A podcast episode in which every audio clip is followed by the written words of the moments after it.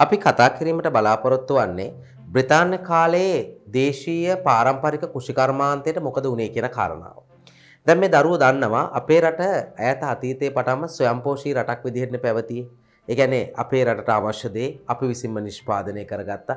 ගම ස්වයංපෝෂී වුණා. ඒ ගමක් අපි ගත්තාම දරුවෝනේ පිටින් ගේන්නේ ඕන ලුණු කරවල වැනි දෙයක් පමණයි. හැම පැත්තෙම අපි ස්වයංපෝෂී වෙච්ච ජාතියක්. හැබැයි අපි යම් කිසි නිශ්චිත දවසක අපේ මේ ස්වයංපෝෂිතාවේ බිඳ වැටෙනවා. ඒ තමයි ඇත්තටම සම්පූර්ණයෙන්ම බ්‍රිතාන්‍යව අපේ රට අත්පත් කර ගැනීම සමග ඔවුන් අපිව පාවිච්චි කරනවා අපේ රට යොදා ගන්න ඔවුන්ගේ සම්පූර්ණම ආර්ථික වාසි සඳහා. එතකොට දැන් අපේ රටේ සාම්ප්‍රදායික ආර්ථික ක්‍රමේ ගත්තහම ස්වයංපෝෂී භාවය තිබුණා. හැබැයි අපි විදේශ වෙළඳාමත් පැවැත්තුවා. ඒ කියන්නේ අතිරික්ත භාණ්ඩ යම් යම් දේවල් ජාත්‍යන්තර වශයෙන් ඉල්ලන භාණ්ඩ ඇද්දල මැනික් කුරුදු මේ වගේ දේවල් අපි පිටරටවලට යව්වා. ඒ වගේම අපේ සුඛ විහරණය සඳහා අවශ්‍ය දේවල් මොනවද? ආශ්‍රය වගේ දේවල් එතකොට මුතු මේ ආභරණ එතකොට යම් කිසි ආකාරයකට අපි ගත්තම සුවඳ විලවුන් චීන මැටි බදු මේ වගේ දේවල් අපේ රටට ගෙන්නවා. ඉතින් මේක තමයි ස්වභාවය. හැබැයි අපි 1815 සම්පූර්ණයෙන්ම බ්‍රිතාන්‍යයට යටත් වෙනවනේ.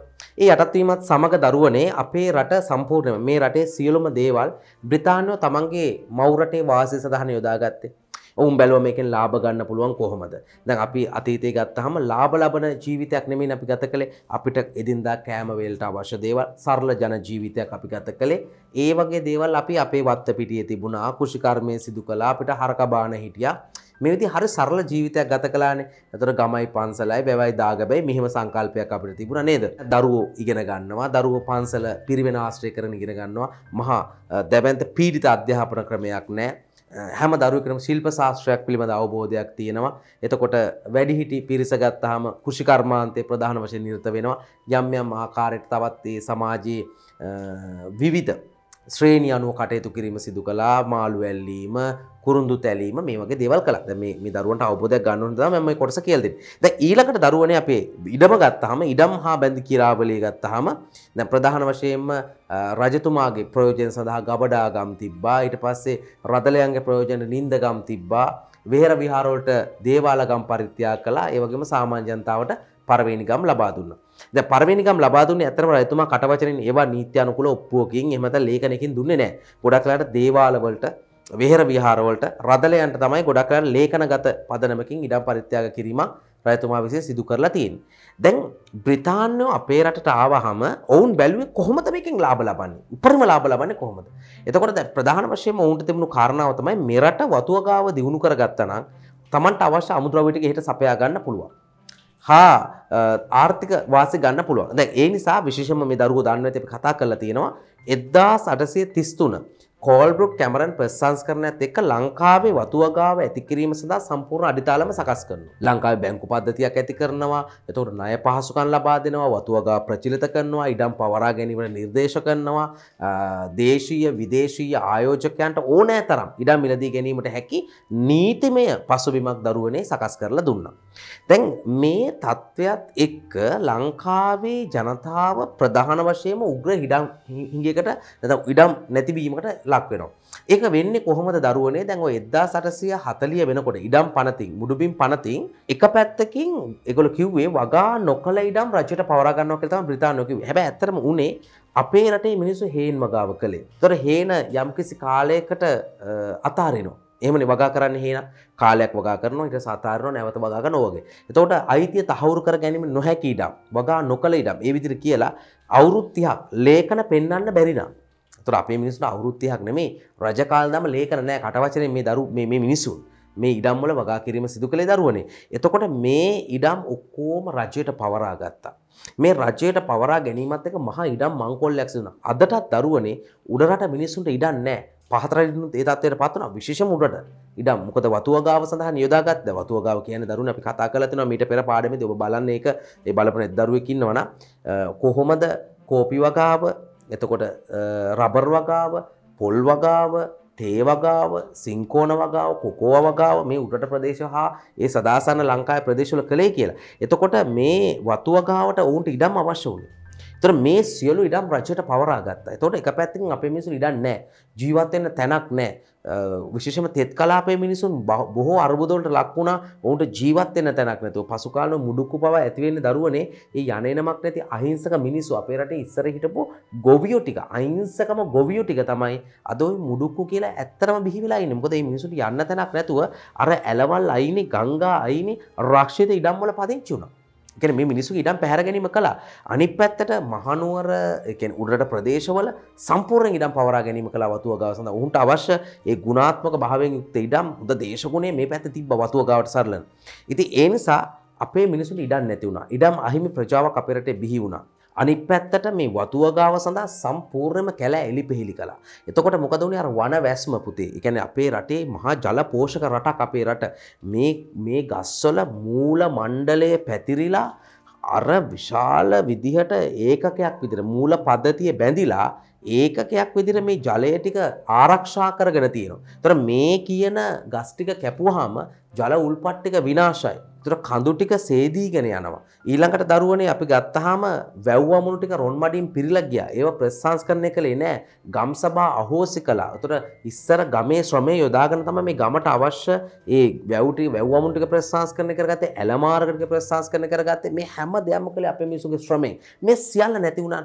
ගම් සභා අහෝසි කිරීම ප්‍රධාන වශයෙන් බලපෑවා. එතකොට එක පැත්තකින් පස සෝදාගෙන ගියා. පස නිරාවරණය වුණා. අපි ආරක්ෂා කරපු අපි ආදරෙන් රැකගත්ත වනාන්තර පද්ධතිය සම්පූර්ණ විනාශ වුණා. මේ සියලු කාරණාත් එක්ක මේ රටේ පාරම්පරික කෘෂිකර්මාන්තය බිඳ වැටෙන්න ගත්තා. වී වගා විශේෂම රජරට ප්‍රදේශවල වී වගා කරන්න වැවක් වැව් අමුණක් ප්‍රස්ථාංස්කරණය කළේ නෑ. ඒවා කැලේ කොලේට ගියා. මොකද මේ දරුවෝ දන්නවා ප්‍රධාන වශයෙන්ම දැන් පොළොන්නරු රාජධානී බිඳ වැටෙනවා. කාලිංග මාගේ ආක්‍රමණත් එක්ක උතර රජරට පිරිහිනවනේ දරුවනේ. උතර ওই පිරිහීම දහතුන් වන සියවසේ ඉඳන් පැවතෙන විශේෂම කෝට්ටේ රාජධානී තමයි යම් ප්‍රමාණයක් හයවෙනි පරාක්‍රම බහුව කාලේ තමයි යම් කිසි ආකාරයට රජරටට යම් කිසි ආකාරයකට එක්සේසත් කිරීමක් කළා ඒ යම් දෙයක් කළා නම් කරන්න. ඊට පස්සේ නැවත මේ පිරිහීම සිදු වෙනවා. ඒතකොට දැන් මේ බ්‍රිතාන්‍ය යුගයේ වෙනකොට ඔබ හිතන්න කොච්චර පිරිහීමක් රජරට ප්‍රදේශයේ තියෙනවද කියලා. ඒතකොට වැව්වමුණු සම්පූර්ණ විනාශ වෙලා. ඒතකොට මේ වන්නි කියන ප්‍රදේශවල ජීවත් වුණු මිනිස්සු හරි අසරණ වුණා. එතකොට අනිත් පැත්තට අපි ගත්තාම මේ ඔය කාලේ ඇති වුණා දරුවනේ මේ කොලරාව කියන මහ වසංගත තත්ත්වයක් ඔය රජරට ප්‍රදේශයේ මිනිියක් වලන්න ගෙනෙක් නෑ මතක තියාගන්න ගෙවල් ඇතුළ මිනිස්සු කුණු වෙලා මැරුණ පාරවල් අයිනේ මේ කිඹුල්ලු සත්තු මළමිනි ඇදගෙන කනතත්වයට පත් වුණ. එකන අපේ රටේ ජනතාව පුතුමාකාර දුකක් වින්ද එක පැත්තකින් මේ බ්‍රතාාන පාලනය ඒ සමහර ප්‍රතිපත්ති හින්ද. ඉතින් දේශය කෘෂිකර්මාන්තය මහා දැබැන්ත පිරිහීමකට ලක්වුණා මේ බ්‍රතාාන යුගයේදී වී වගාව සිදුවෙන්න හේන් වගාව සිදුවෙන්න අපේ රටේ දහන්න ටික වගා වෙන්න එතකොට ඒ තව අතරේක බෝග වගා කරෙන්න එතොට ඒක ඇත්තරම බ්‍රතාානයට නෙමේ පාඩුව. මේ රටේ අහිංසක මිනිසුන් මොකද බ්‍රතාාන නිකන් කන්න දෙන්නේ නැහැ අහිංසක මිනිසුන්ට. ඒ මිනිසුන්ට ජීවනෝපාය තමයි මේ අහිමුනේ මේ සාධකයේ මේ தත්ත්වය බලපෑව 1440 අටේ නිදා සරගලය සඳහත් බලපෑව. බොද ග්‍රාමීය ජනයා අහිංසක ජනයා දරුවනේ නැගී හිටිය මේ අසාධාරණ පිළිවෙතට විරුද්ධව තමන්ගේ ඉඩම් තමන් අවුරුදු ගාන පාවිච්චි කරපු ඉඩම් මේ විදේශකයට විකුණන්නේ. එතකොට මේ හෙළි කරන්නේ තමන් ආදරෙන් දේවත්වයෙන් රැකගත්ත ඉඩන් ටික කැලේ ටික මේ මේ වන වන වනස්පතිය විනාශ කළ දාන්නේ. එතකොට ඒ නිසා මතක තියාගන්න මිනිස්සුන්ට නිදහසේ සතෙක් ඇති කරගන්නවා තැනක් නැතුණා. තමන් අවුරුදු ගානක් භුක්තිවිඳ ඉඩන් ටික රජය පවරාගෙන ඒවට හරකෙක් ගියොත් එම කෑම ටිකක් කන්න ඒකට වෙඩි තියලා මරලා දානවා. ඉතින් එවැනි තත්වයට පත් වුණා. ඉතින් ඒ නිසා මේ රට තුල පැහැදිලිවම ජනතාව විරුද්ධ වුණා බ්‍රිතාන්‍ය පාලනය තමන්ගේ අවශ්‍යතා ඉටු කරන පාලනයක් ලෙස පිළිගන්න. අන්න ඒකේ ප්‍රතිඵලයක් විදිහට තමයි 1848 කැරැල්ල ඇති වෙන්නේ. තැන් එදදා සටසය හතලිසට කැරැල්ලෙන් පස්සේ විශ්ව එදදාසමසය පනහ වෙනකොට බ්‍රතාානයක රලු ප්‍රතිපත්ති වෙනස් වෙන. ඔවුන් එක පැත්තකින් ලාංකිකයෝ දෙස බලන්න පටන් ගන්න අලුත් කෝනෙකින් එකන එක රලු ප්‍රතිපත්ති අයින් වෙලා සුපසාධනමය ක්‍රියාමාර්ග. දැන් එදසරසය පන සය වගේනකොට කොළඹ මහනකර සභහදී බිහි වෙලා ගොඩාක් පල්ලෙහ මට්ටමට සුපසාධනය ගමන් කරනවා. අපි ඉස්රාට පාඩගල් දෙව සාකච්ඡා කරමු. දැන් එතකොට තැන් ඔවුන්ගේ රලු ප්‍රතිපත්ති වෙනස් වෙලා කෘෂිකර්මය සඳහා කෘෂිකර්මය ගොඩනැගීතුය කියන අදහස බොහෝ ආණ්ඩු ආණ්ඩුකාරවරු තුළ ඇති වෙනවා. එක පැත්තකින් ඔවුන් අපිට අනුකම්පා කරලා නෙමෙයි මේක කළේ. ඔවුන් දැක්ක අපේ රටේ මහා කැරැල්ලක් නැගී හිටීමක් සිදු වුණා. ඒකට හේතු හොයනකොට ඔවුන්ට තේරුණා මේ මේ රටේ දේශීය කෘෂිකර්මාන්තය වර්ධනය වෙලා නැහැ කියන කාරණා. මොකද ප්‍රධාන වශයෙන් ඔබ දැනගන්න මේ දරු ඉගෙන ගන්න අපේ රටේ කෘෂිකර්මාන්තයේ ආර්ථික ක්‍රමේ දිත්ව වුණානේ. ඒ කියන්නේ වතුවගාව මුල් කරගත්ත ජාත්‍යන්ත්‍ර වෙල්දපොළ මුල් කරගත්ත ලෝක වෙල්දපොළ මුල් කරගත්ත ආර්ථිකයක් වෙනම ඇති වුණා. සාම්ප්‍රදායික ආර්ථික ක්‍රමෙ වෙනම පැවතියා. කෘෂිකර්මාන්තය. ඒතර මේ දිත්ව ආර්ථිකයක් තියෙනවනේ. ඒක බ්‍රිතාන්‍යය තේරුම් ගත්තා. ඒ කියන්නේ මේ දිත්ව ආර්ථිකය තුළ මේ මේ රටේ තිබෙන දේශීය කෘෂිකර්මාන්තය පිරිහුණොත් එක පැත්තකින් ජනතාවගේ අවශ්‍යතා කඩා වැටෙනවා ඊළඟට ඔවුන්ට විරුද්ධව නැගී හිටීමක් සිදුවෙනවා අනිත් පැත්තෙන් ආහාර නිෂ්පාදනය අඩු වෙනවා මේව පැහැදිලි පිළිබඳ ඔවුන් අවබෝධයක් ඇති කරගත්තා ඒ නිසා 1850න් පසු බලයට පත් වුණ බොහෝ ආණ්ඩුකාරවරු උත්සාහ කළා තමන්ට හැකි ආකාරයට රජරට එමත වියලි කලාපය හා ඔය දකුණු පලාත හම්බන්තොට දිස්ත්‍රික්කය ආදී ප්‍රදේශවල ඒ වැව්ටික ප්‍රසංස්කරණය කරලා ඒ ජනතාවගේ අවශ්‍යතා යම් ප්‍රමාණයක් ඉටු කිරීම සඳහා මැදිහත්වීමක් සිදු කරනවා. දැන් එද්දාස් අටසය පනස් පහවැනි කාලය වෙනකොට හෙන්රි වෝඩ් ආණ්ඩුකාරයා පැහැදිලිවම මේ වාරිමාර්ග ප්‍රසංස්කරණය කිරීම සඳහා වෙනමම සභාවක් තේරීම් සභාවක් ඇති කරනවා ඒ පිළිබඳ සොයා බලන්න. අනිත් පැත්තෙන් නැගෙනහිර ප්‍රදේශය ප්‍රධාන වශයෙන්ම ඉරක්කාමම් වැව ඔතකොට අම්පාර වැව මේ වගේ වැව් ප්‍රසංස්කරණය කළා ඒ ප්‍රදේශයේ කෘෂිකර්මාන්තය දියුණු කිරීමට අවශ්‍ය ඒ ජලය සපයා ගැනීම සඳහා රාජානුග්‍රහයක් ලබා දීම සිදු කරනවා. ඊළඟට මේ හෙන්රි ඕටාණ්ඩුකාරය විසින් ඔය දකුණු පලාතේ ගිරුවාපත්තුවේ වැව ප්‍රසංස්කරණය කරනවා ඒ වගේම ඌරුබොක්ක වැව ප්‍රසංස්කරණය කරනවා. එතකොට ඔහු ඇතරම තේරුම් අරන් තිබ්බා මේ දකුණ නැගෙනහිර මේ ප්‍රදේශය දේශීය සහල් නිෂ්පාදනය සඳහා වැදගත් වන ප්‍රදේශයක් බවට ඒ වගේම කුෂිකර්මාන්තය දියුණු කළ යුතු ප්‍රදේශයක් බවට ඔහු පැහැදිලිව හඳුනා ගැනීමක් කරලා තිබුණා. ඊළඟට දරුවනේ හර්කියුලිස් රොබින්සන් ආණ්ඩුකාරයා දැන් වාරි මාර්ග පිළිබඳ සොයා බැලීම සඳහා වෙනම කොමිෂන් සභාවක් පත් කළා. දැන් උදාහරණයක් විදිහට මීට පෙර හෙන්රිවෝට ආණ්ඩුකාරයා වෙනම තේරීංකාරක සභාවක් පත් කලානේ මේ වාරිමාර්කට සොයබන් දැන් මෙයා වෙනම කොමිෂන් සභාවක් පත් කරනවා කොහොමද මේ ප්‍රදේශ දියුණු කරන්නේ වාරි කර්මාන්ත දියුණු කරන්නේ මොකද මේක සමකාසන්න රටක් එතකොට මේකේ වැස්ස ලැබෙන්නේ යම් කාලයකට පමණයි. එතකොට රජරට ප්‍රදේශය අත්හරින්න බෑ. වියලි කලාපය අත්හරින්න බෑ. ඒ නිසා මේවා දියුණු නොකළොත් ලොකු ප්‍රශ්නයක් එන බව වුන් පැහැදිලිවම තේරුම් ගත්තා. ඒ විතරක් නෙමෙයි එතුමා විසින් තිස්ස මහා රාම වැව ප්‍රසංස්කරණය කළා. දැන් ඔබට පේනවා එතකොට නේද අර දකුණු පළාත සඳහා අවධානය යොමු වීමක්. හම්බන්තොට දිස්ත්‍රික්ක සඳහා අවධානය යොමු වීමක්. පැහැදිලිවම මේ ආණ්ඩුකාරු අනුගමනය කළා කියලා පේනවනේ. තොර ඊළඟට තවත් වැදගත් ආණ්ඩුකාරයෙක් වෙන්නේ දරුවනේ අපට විලියම් ග්‍රෙගරි ආණ්ඩුකාරයා. දැන් විලියම් ග්‍රෙගරි ආණ්ඩුකාරයා සාමාන්‍ය මෙරට මිනිස්සු හඳුන්වන්නේ මේ ගිරිගෝරිස් උන්වහන්සේ කියලා ඉස්සර. මිනිස්සු එක එක විදිහට ආමන්ත්‍රණය කරනවනේ ගැමියා. ඒතර එතුමා විශාල කාර්යභාරයක් කරනවා මේ වැව් ප්‍රසංස්කරණය කරන්න.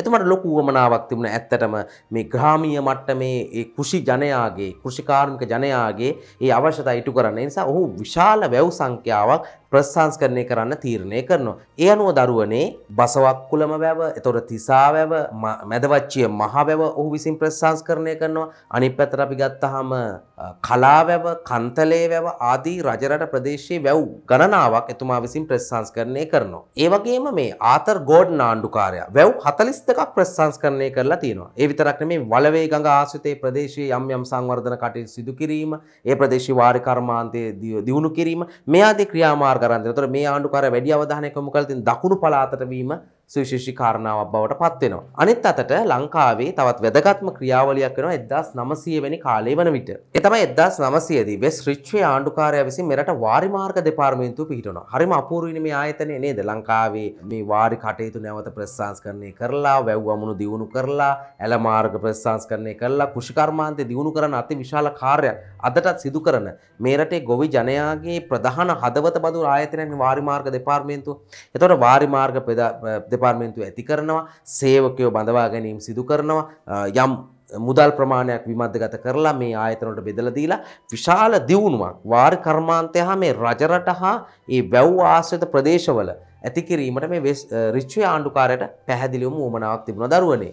එතොට එදදා සම්සේ එක්කොල හැදී මැකලම ආණ්ඩුකාරය විසින් ගොවි සමීති නැතන් සම්පකාර සමිති පිහිටුවීම සිදු කරන කුෂිකර්මාන්තය සම්බන්ධව ගොවියන්ට අඩු පොලි අනුපාතයක් යටතේ ණය ලබා දීම පැහැදිලිව සිදු කරනවා. ඒ වගේම ධාන්‍ය මිලදී ගැනීම රජය විසින් සිදු කරන්න පටන් ගන්නවා. ඒ වගේම සම්පකාර ශේෂ්ත්‍රය දියුණු කිරීම, එතකොට ඔවුන්ට අවශ්‍ය කෘෂි උපකරණ සැපයීම මේ ආදී දැවැන්ත ක්‍රියාමාර්ග කිහිපයක් මේ මැකල මාණ්ඩුකාරය කාලේ අරගන්නවා. දැන් ප්‍රධාන වශයෙන්ම ලෝක යුද්ධ පළවෙනි ලෝක යුද්ධයේ කාලේදී ලංකාවට බහඬ ලැබෙන්නේ නැහැ. ඒ නිසා ආර්ථිකය විශාල වශයෙන් පිරිහීමට ලක් වෙන්න පටන් ගන්නවා. අර්බුදයකට අත්‍යවශ්‍ය ආහාර පාන නොලැබීමේ අර්බුදය. දැන් මෙන්න මේ තත්ත්වයත් එක්ක බ්‍රිතාන්‍ය තීරුම් ගන්න අපේ රට දියුණු කරන්න ඕනේ කෘෂිකර්මය සම්බන්ධව කියලා. 1931 ඩොනමොර ආණ්ඩුක්‍රම ප්‍රතිසංස්කරණය තුලින් ලංකාවේ ඇති කරන දරුවනේ කාරක සභා හතක් එක දේශය ඇමතුරු හදන කරතයන්න කාරක සභ හත මෙහි තමයි ලංකාව සුපසාධන මේ වශයෙන් බ්‍රතාානගත ප්‍රධානම තීන්දු බවට පත්වෙන්. එතකොට මෙහිදී කෘෂිකර්ම ඉඩම් කාරක සබයි සභාපතිවරයන්නේ අපි හැම මාදරය කන ඩියසරණයක මහතානේ තුමා තමයි ලංකායි පලවිනි අගමැත්තුමා. එතොට එතුමා විසින් ඔය රජරට එතකොට ඒ වගේම මේ නැගෙනට පලාත ඔය ප්‍රදේශ මුල් කරගෙන වියලි කලාපේ මුල් කරගෙන නැවත ගොවි ජනපද ඇති කරනවා.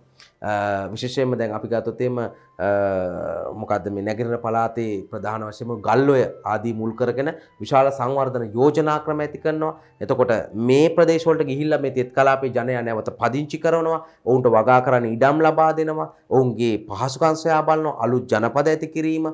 එතකොට කෘෂිකර්මයේ දියුණු කිරීම. ඒ කියන්නේ ලංකාවේ ආහාර නිෂ්පාදනය සිදු කිරීම, රැකියා අනුපාතය වැඩි කිරීම ගැන විරකයාට විසඳුමක් ලබාදීම අලුත් පරපුර කෘෂිකර්මාන්තර යොමු කිරීම එතට ප්‍රයෝජනට නොගත් ඉඩම් නැවත ප්‍රයෝජනයට ගැනීම එතකොට මෙරට පිරිහෙමින් පැවති විනාසමමින් පැවති වැව්ටික නැවත ප්‍රශාන්ස් කරණය කිරීම නේද? පසුකාල සේනානක සමුද්‍රයේ අති විශාල මේ ජලාශයක් පවා ඉදිවෙන්නේ මෙමයි ප්‍රතිඵල විදිරිතින් ඒ නිසා බ්‍රතාන්‍ය පැමිණි. මුල් කාලේ යම් කිසි ආකාට දැවන්ත පිරිහීමට ලක්වෙලා තිබ පාරම්පරික කුෂිකර්මාන්තය නැවත හිස ඔසවන්නේ. නැවත බත සපයන තත්වයට පත්වෙන්නේ. ඒ ජනතාවගේ ජීවන තත්වය නගා සිටීම සිදුවෙන්නේ විශෂමේ දහරසය අතලිසටේ කැරල්ලෙන් පසුව.